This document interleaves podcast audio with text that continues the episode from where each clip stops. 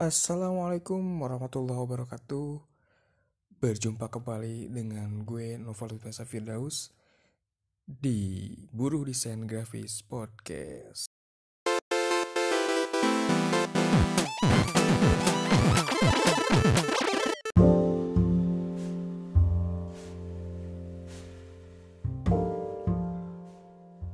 Oke teman-teman, apa kabarnya?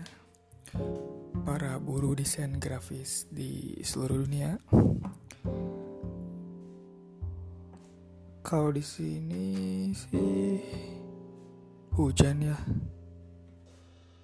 Hujan. Jadi di podcast kali ini kita sambil ditemenin teh tarik.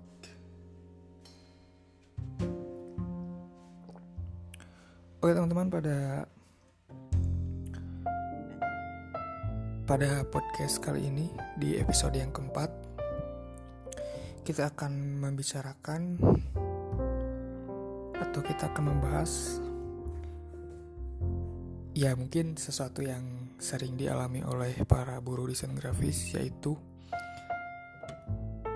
desain gratis. Mungkin ini sebuah kebalikan atau anonim dari desain grafis ke desain gratis gitu. Apakah ini desain grafis atau desain gratis gitu kan? Kadang-kadang e, banyak orang yang ya sedikit menanyakan gitu. Apakah ini desain grafis atau atau desain gratis gitu. Dan mungkin banyak sekali apa namanya problematika mengenai desain dan harga gitu. Terkadang eh, si desainer itu sulit untuk mampu uh, apa namanya menentukan harga sebuah desain gitu. Jadi banyak faktor ada itu. Oke okay, tentang desain gratis itu kadang-kadang suka bingung suka bingung sendiri gitu. Kenapa orang-orang tuh uh, mudah gitu untuk meminta sebuah desain dengan gratis gitu. Yang di benaknya itu apa gitu. Mungkin eh, desain gratis itu salah satu permintaan yang paling kejam sih sepertinya gitu kan. Ya mungkin ada beberapa faktor gitu ya mungkin karena pertemanan atau apa gitu sehingga atau emang tidak punya budget sama sekali. Cuma ya emang kalau berhubungan dengan itu, itu semua ya emang sulit gitu. Ya bisa aja gitu karena kita menolak nah pertemanan kita jadi berantakan kan bisa aja seperti itu gitu. Tapi kenapa gitu sampai uh, berani meminta gratis gitu? Padahal ya kita juga sebagai buruh desain grafis atau sebagai desainer mengeluarkan uh, apa namanya effort untuk ya membuat desain itu gitu jadi ada tingkatannya ada minta gratis ada yang minta harga teman ada yang meminta harga teman tuh ya seenggaknya dia memberikan apresiasi lah walaupun nggak banyak gitu. Cuma yang bingung tuh mereka yang meminta desain secara gratis gitu. Padahal kan kita sebagai uh, ya sebagai desainer tadi butuh ya apresiasi gitu terkadang cuma bilang oh ya udah bagus udah aja gitu kan. Ya mungkin sebenarnya banyak banyak hal sih yang bisa diambil sisi positifnya gitu ketika kita memberikan desain secara gratis kepada konsumen kita atau kepada klien kita gitu. Eh bisa disebut klien gak atau kepada teman kita gitu. Jadi sebenarnya banyak hal yang bisa apa pun hal yang terjadi sebenarnya ada hikmah ada sisi positif yang bisa diambil sebenarnya gitu. Nggak melulu uh, masalah ya seperti itu gitu. Mungkin ada desainer yang bisa menerima ada yang tidak gitu. Nah ini di satu sisi ada desainer yang memang menerima hal itu tuh karena pertama mungkin dia sodakoh desain misalnya. Karena mungkin dia punya uh, dalam tanda kutip punya kerjaan desain yang uh, ya cukup atau bukan cukup lebih lah gitu untuk kehidupannya pribadi. Maka dia ingin menyudah mensodakohkan apa namanya skill dia gitu. Bisa aja seperti itu gitu. Itu bisa menerima dia atau ya emang orangnya baik gitu. Nah ini ya subhanallah gitu. Dia bisa ngasih sesuatu hal kepada orang lain gitu bermanfaat bagi orang lain gitu ya yang nggak bisa menerima itu karena mungkin gitu mungkin dia memang struggle gitu mencari pemasukan. Ketika emang dia bikin desain tapi kan ya dia butuh pertama mungkin butuh makan butuh listrik gitu kan. Secara tidak langsung kan itu butuh biaya atau butuh uang gitulah. Nah di sini mereka tidak menerima gitu uh, adanya desain gratis gitu. Karena ya bikin desain tuh nggak kata siapa nggak ada modal. Ternyata ya ada modal itu beberapa modal dan nanti itu akan ma akan masuk ke dalam faktor-faktor yang akan mempengaruhi harga desain gitu. Jadi banyak hal yang emang apa namanya dirasa gitu oleh si desainer itu sehingga dia tidak dia tidak bisa menerima gitu. Kata desain gratis itu nggak bisa menerima gitu seperti itu. Jadi ya kedua-keduanya emang secara sisi manusiawi ya sangat manusiawi sebenarnya gitu nggak salah juga gitu mereka mengampanyakan kepada orang-orang yang emang kenapa sih mereka tuh minta apa namanya meminta desain secara gratis gitu seperti itu gitu Nah, yang selanjutnya kita bisa sebenarnya kita bisa mengambil sisi positif dan negatifnya. Sisi positifnya gini, ketika kita memberikan desain gratis kepada orang lain, kita lihat dulu nih. Mungkin saja itu adalah salah satu orang yang akan menjadi uh, apa namanya? menyambung dalam artian gini, gini, gini.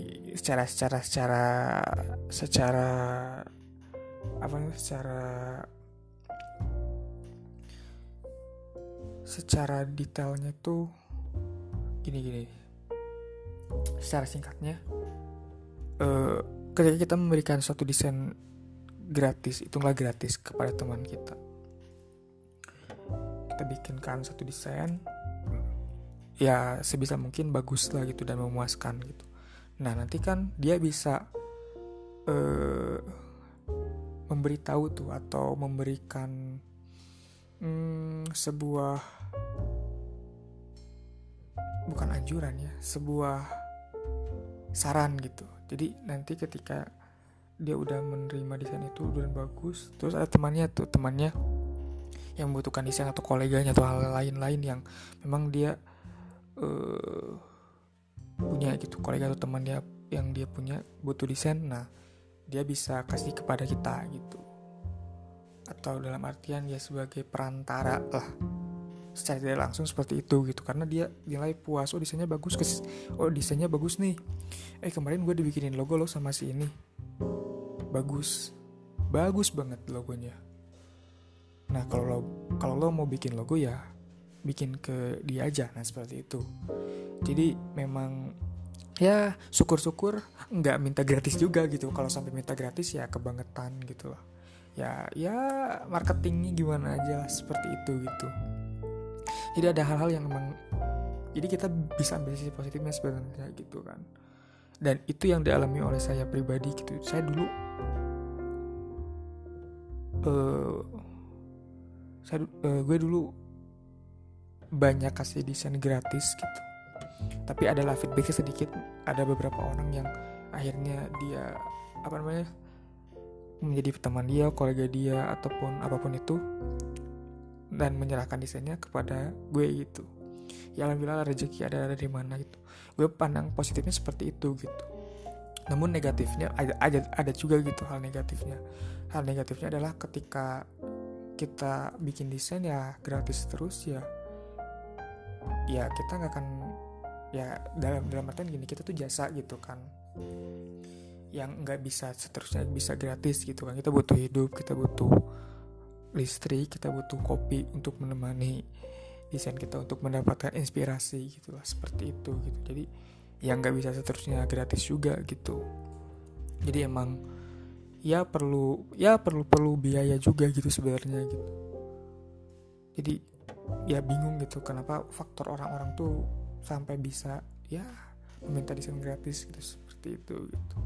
Dan terkadang ada orang yang ada beberapa orang yang memang meminta desain gra ketika meminta desain secara gratis ya mereka tidak banyak mau gitu ini bayangin minta desain gratis terus revisinya banyak gitu kan. Ya kasihan juga sih desainernya gitu.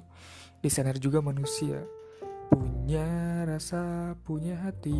Jangan samakan dengan pisau belati ya gitu lah pokoknya emang. Ya di sana juga punya ya punya punya punya punya kehidupan lah intinya gitu kan. Yang harus memang dia dia biayai gitu. Seperti itu teman-teman. Jadi memang per sebuah sebuah problematika yang ya yang sering terjadi di buruh desain grafis terkadang memang uh, orang-orang yang minta desain gratis itu ya ya gimana ya disebut kurang bisa mengapresiasi atau menghargai desainer bisa dibilang seperti itu bisa masuk ke dalam orang yang seperti itu gitu. Nah di situ kita sebagai desainer ya kadang-kadang merasa sedih tapi terkadang memang kita harus ya kalau misalnya teman yang minta itu ya demi menyelamatkan pertemanan kita gitu jangan sampai karena hal yang kecil kita jadi ya kita anggap bantu teman aja gitu lah kalau emang teman yang mintanya gitu. Nah ini nyambung nih sama yang selanjutnya gitu. Yang selanjutnya biasanya harga teman. Sebenarnya harga teman tuh ya ada mendingnya sih sebenarnya harga teman tuh. Mereka masih masih ngasih masih ngasih sesuatu gitu terhadap si desainernya gitu dibanding harga gratis gitu. Walaupun ya tidak sesuai dengan apa yang dikerjakan. Nah, nah sebenarnya yang banyak ditanyakan oleh desainer itu kamu mau harga teman atau hargai teman gitu? Beda kan harga teman dengan hargai teman. Lebih baik hargai teman gitu. Tapi emang ini salah satu yang sering terjadi di dunia buruh desain grafis harga teman tuh wah sering terjadi. Makanya tadi di di di di satu sisi itu emang terkadang ketika teman yang minta itu ada ada satu rasa yang kita wah nggak enak nih buat nolak nih nggak enak nih buat ngajuin harga yang memang sepatutnya gitu. Terkadang-kadang kita uh, ngasih harga yang sepatutnya gitu. Tapi ya si teman itu ya masa segitu loh ya inilah harga temen lah gitu. Jangan mahal-mahal lu kayak ke siapa aja sih gitu kan. Nah banyak banyak hal yang seperti itu gitu. Makanya ya rasa tidak enak itu yang menyebabkan kita tidak bisa mengelak dari harga teman gitu. Seperti itu. Jadi memang ya sulit juga sih gitu buat menolak permintaan teman seperti itu. Cuma ya alhamdulillahnya masih ada keinginan untuk setidaknya memberikan sesuatu terhadap si desainer. Karena mungkin ya desainer juga ya gitu. Makanya nggak nggak cuma maksudnya nggak cuma gambar doang. Ini punya kehidupan yang lain yang harus dia, dia biayai seperti itu teman-teman. Jadi menghargai pekerjaan seseorang itu ya sudah menjadi kewajiban gitu. Ketika kita tidak bisa tidak bisa menghargai uh, kerja seseorang ya itu salah satu tindakan yang zolim sih sepertinya gitu kan. Makanya seperti itu gitu. Setiap jasa setiap kerjaan pasti ada upahnya gitu kan. Seperti kita naik kendaraan umum atau apa pun itu kan kita membayarkan upah gitu yang sepadan gitu atau udah ada tarifnya. Ketika kita makan ketika kita apa dicukur. Emang mau misalnya lo dicukur harga teman misalnya. Udah aja setengah misalnya. Kan pasti nggak mau harus benar-benar sesuai dengan apa yang sudah ditarifkan oleh si uh, pangkas rambut itu gitu kan. Nggak bisa harga teman harga teman sebenarnya gitu kan. Cuma ya ya mungkin di sisi positifnya kita niatkan aja membantu teman. Kalau misalnya emang setiap desain minta gratis ya keterlaluan sih gitu. Jadi memang itu sih. Sebenarnya dua dua hal yang emang sebenarnya sering uh, gue rasain dan gue lihat gitu. Dan teman-teman gue yang lain rasa rasain itu soalnya sering itu desain gratis dan harga teman itu ya emang seperti itu gitu. Nah sebenarnya ada beberapa faktor sih yang ya itu gitu. Balik lagi ke episode yang kemarin itu episode ketiga gitu kita harus emang benar-benar uh, mengedukasi si konsumen gitu. Biar dia tidak seenaknya gitu. Atau atau kita bisa mengedukasi teman kita gitu. Sebenarnya ada beberapa faktor sih yang yang gue kumpulin gitu. Referensi-referensi dari beberapa situs atau beberapa orang yang berkecimpung di dunia desain. Sebenarnya ada beberapa faktor sih yang memang ya bisa membuat kita dapat apa sih ya dapat menentukan harga untuk desain kita tuh ada beberapa faktor gitu. Dan ya dikutip dari sebuah buku.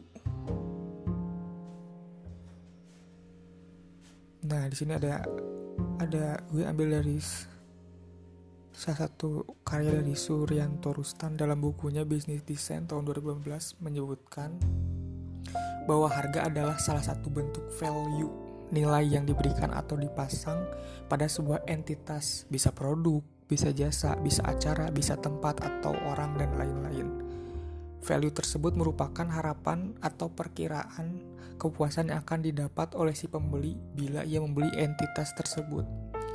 Nah, Suryanto Rustan juga ber, ber, berpendapat mengenai harga lebih luas lagi yaitu harga pada umumnya dinyatakan besaran dalam mata uang rupiah, dolar, euro, dan lain sebagainya.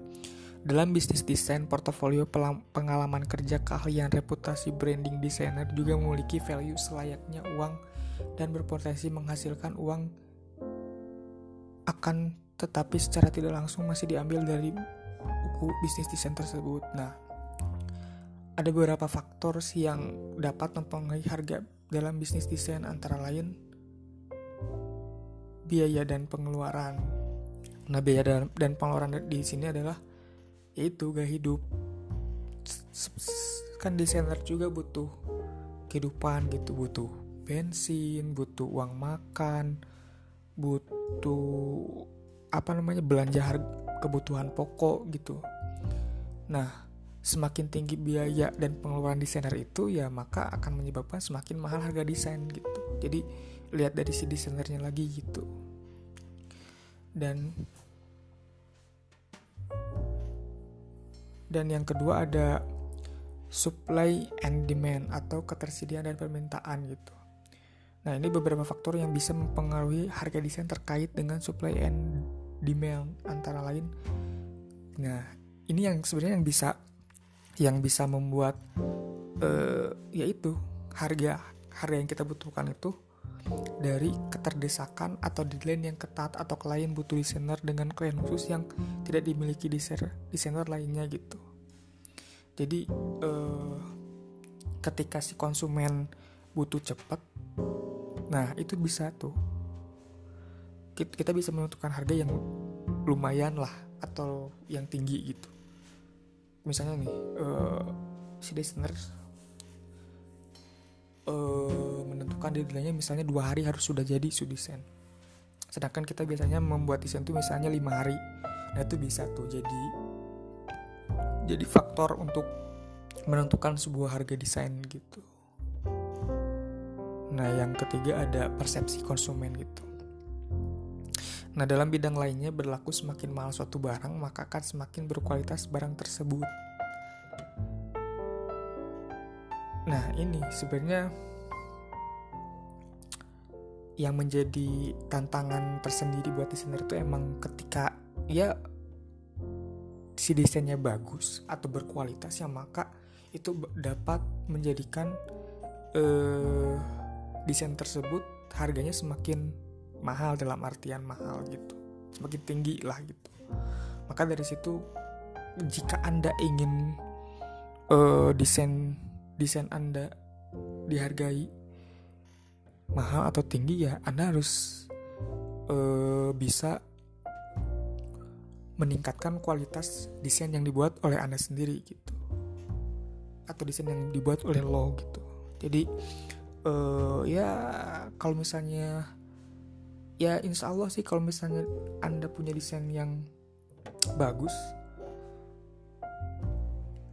ya itu dapat berdampak kepada harga yang bisa bisa lo uh, tarifkan gitu seperti itu gitu. Nah ini yang harus digarisbawahi. Nah kualitas desain gitu itu salah satu yang menjadi uh, apa namanya faktor yang yang yang mempengaruhi harga desain lo gitu. Yang keempat ada persaingan. Sebenarnya ya karena biasanya gini. Semakin banyak desainer semakin murah biasanya itu harga desainnya karena ya persaingan dengan desainer lain saling banting harga dan lain-lain gitu. Kecuali emang misalnya di satu kota nih atau di satu tempat desainnya cuma satu. Jadi semua orang yang ingin desain itu cuma ke dia. Nah dia bisa menaikkan harganya gitu. Jadi itulah persaingan salah satu hal yang dapat dalam tanda kutip uh, menjadi faktor dalam penentuan harga gitu. Jadi semakin biasanya semakin bertambah desainnya persaingan tumbuh biasanya mereka harganya kadang-kadang nggak nggak nggak kadang-kadang mereka ngasih harga itu nggak nggak bukan ke manusia ya nggak masuk akal gitu. Sampai puluhan ribu itu desain itu harganya gitu kan. Sedangkan misalnya satu orang satu orang di kota itu e, misalnya menentukan desain misalnya desain logo tuh misalnya paling murah 50 ribu lah.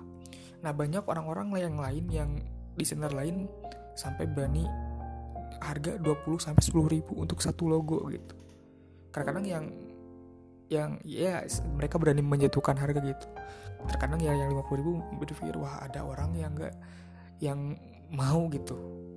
Bikin logo ke kita sedangkan kita harganya lebih mahal dari mereka gitu. Tapi nah itu balik lagi.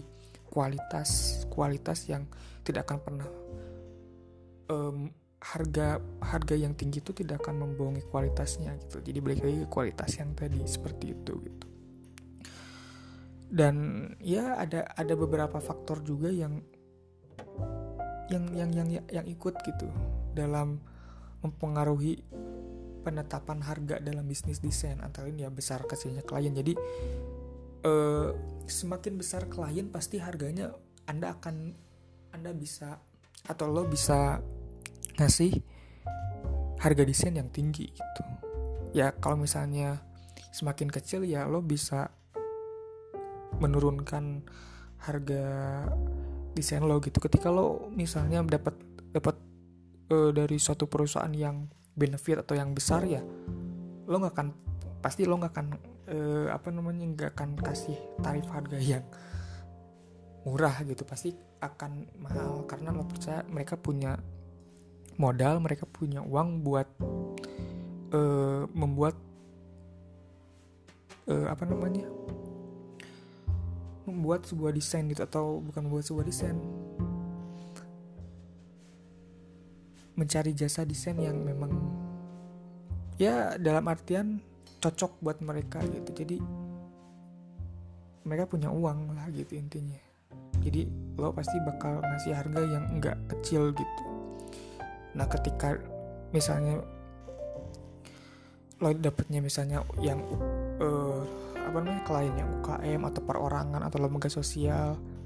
Nah biasanya kan ya biasanya mereka dalam artian pendanaannya terbatas gitu. Jadi eh, mereka nggak nggak nggak bisa ya ya kita terkadang nggak bisa ngasih harga yang tinggi juga gitu. Karena melihat dari modal yang mereka bisa berikan terhadap kita gitu atau tarif yang kita bisa berikan terhadap mereka gitu. Misalnya ya ya, ya yang yang kita bisa menarifkan harga yang tinggi itu ketika kita uh, misalnya mendapatkan klien atau mendapatkan project dari perusahaan-perusahaan misalnya perusahaan negara atau perusahaan swasta yang benefit lalu lembaga pemerintahan atau misalnya partai politik dan lain sebagainya gitu kan.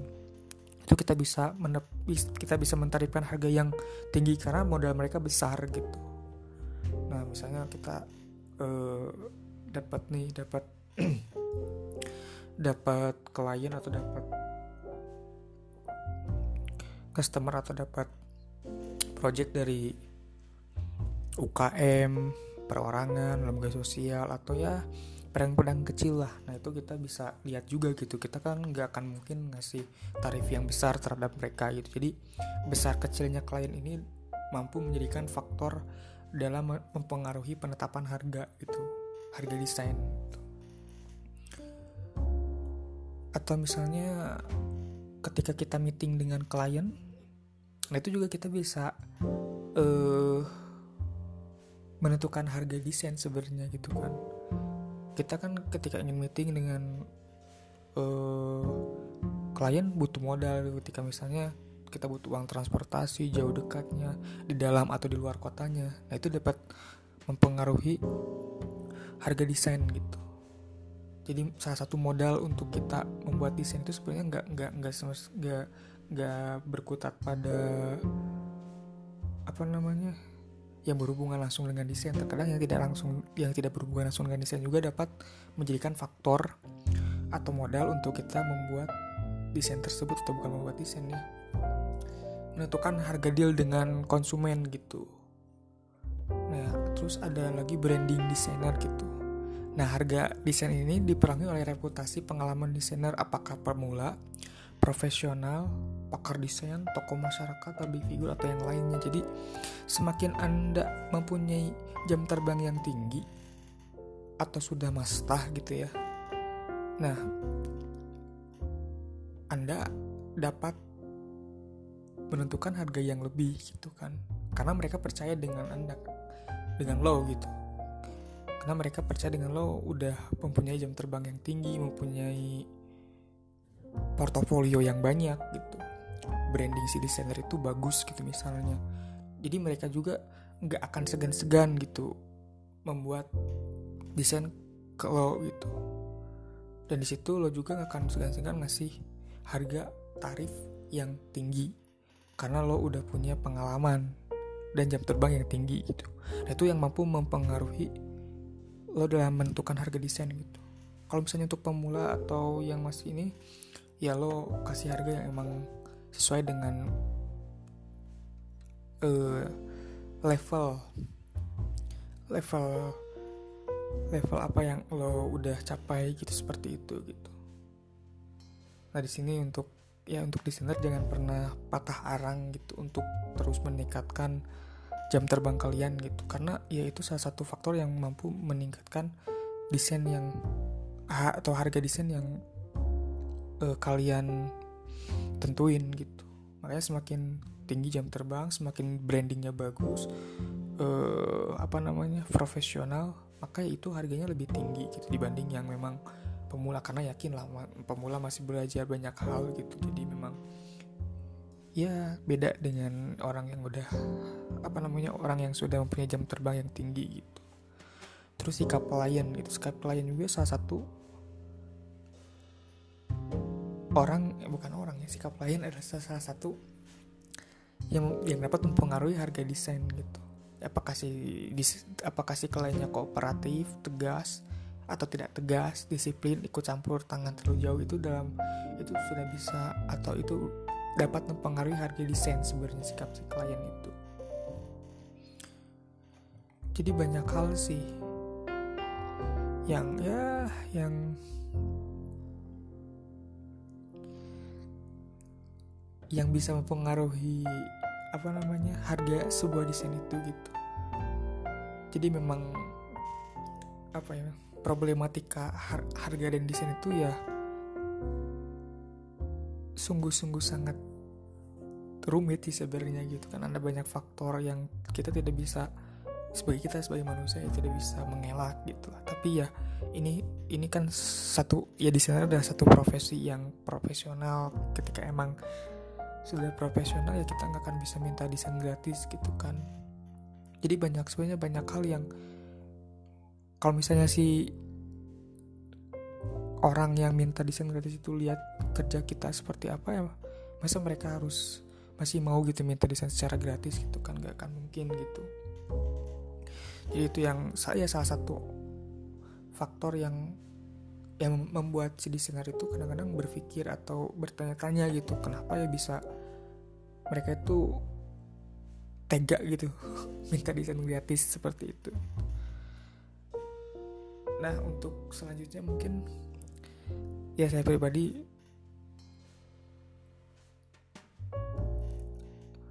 atau kita semua ya pernah mengalami desain gratis gitu. Pasti punya pengalaman dan gue punya pengalaman sebenarnya banyak pengalaman yang ya yang pahit gitulah. Banyak permintaan desain secara gratis bahkan revisinya sampai berjilid-jilid gitu kan. Padahal desainnya gratis gitu. Sebenarnya gue pribadi tuh salah satu orang yang sering memberikan desain secara gratis. Karena apa? Masuk tadi kriteria tadi gitu. Jadi sebenarnya walaupun gue sudah punya kerjaan desain dan itu sudah cukup lah. Dalam cukup gitu untuk gue sendiri gitu nah terkadang gue ingin memberikan sesuatu yang bermanfaat untuk orang lain. Salah satunya yang memberi desain secara gratis. Tapi terkadang yang bikin gue kesel itu yaitu gitu ketika oke okay lah lo kalau mau desain gratis lo jangan banyak permintaan lo jangan banyak revisi udah gitu. Tapi terkadang itu yang membuat uh, gue sampai ya mengelas atau ya nggak habis pikir gitu. Sampai mereka berani untuk kasih revisi secara berjilid sampai berjilid-jilid gitu. Karena gue udah ngasih desain secara gratis gitu. Dan itu yang buat gue semakin berpikir emang ya nggak bisa terus gini gitu. Cuma gue berpikirnya kenapa gue kasih desain secara gratis? Karena ya gue ingin sudah kau desain gitu. Jadi ya gue udah punya alhamdulillahnya udah ada kerjaan tapi ingin gue juga ingin bermanfaat untuk orang lain atau teman-teman gue yang emang butuh desain seperti itu. Jadi seenggaknya seorang desainer yang bisa bermanfaat gitu buat orang lain seperti itu gitu.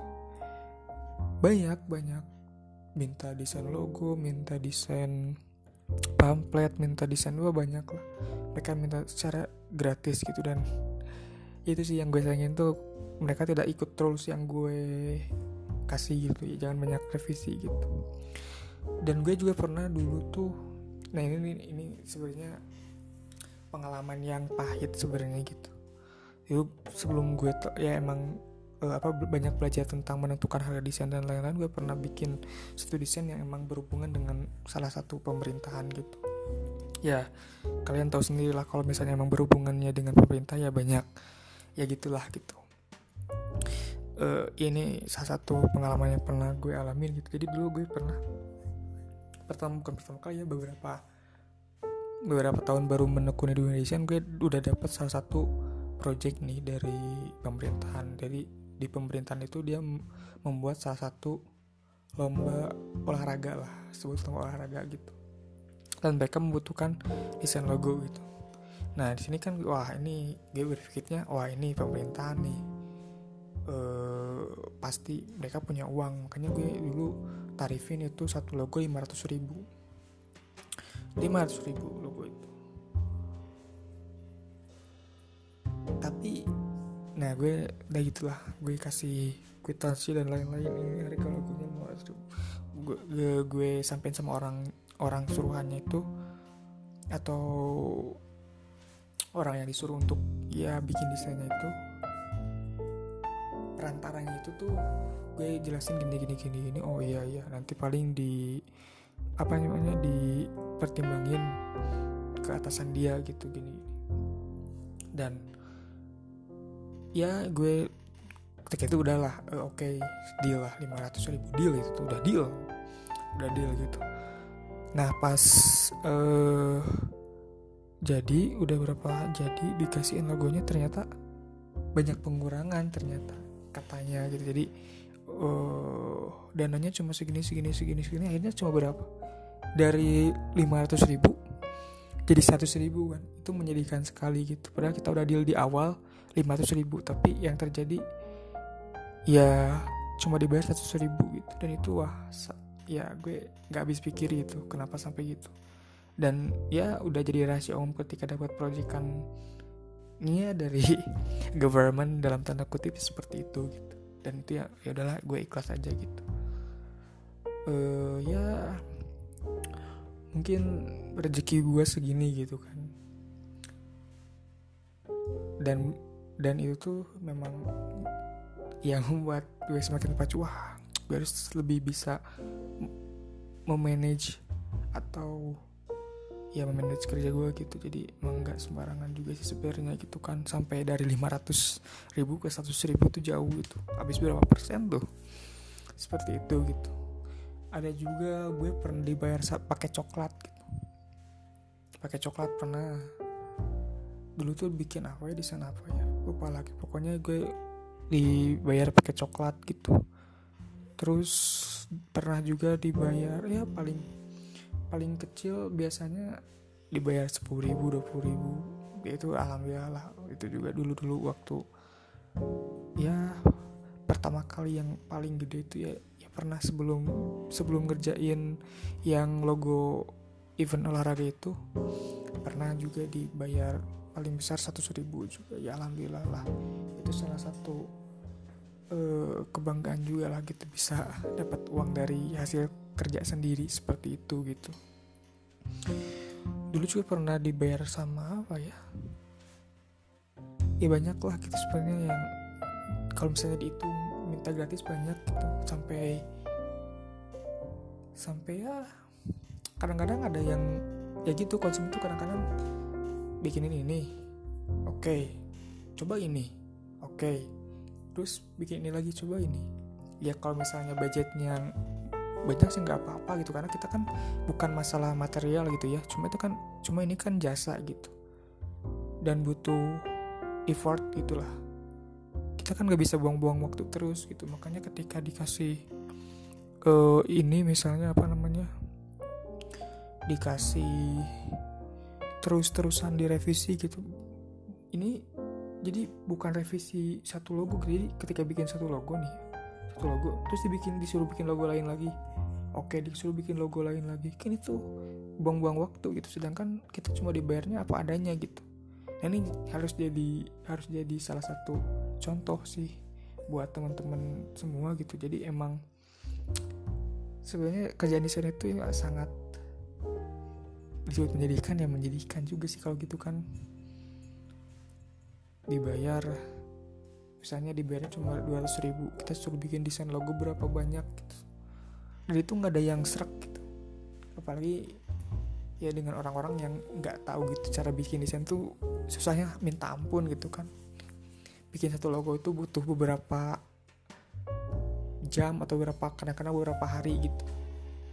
Ya kalau kalau misalnya gitu kita buang-buang buang-buang apa namanya buang-buang buang-buang waktu gitu. Jadi ya inilah pentingnya emang harus uh, apa namanya mengedukasi si konsumen gitu. Jadi ya memang gimana ya? Banyak sih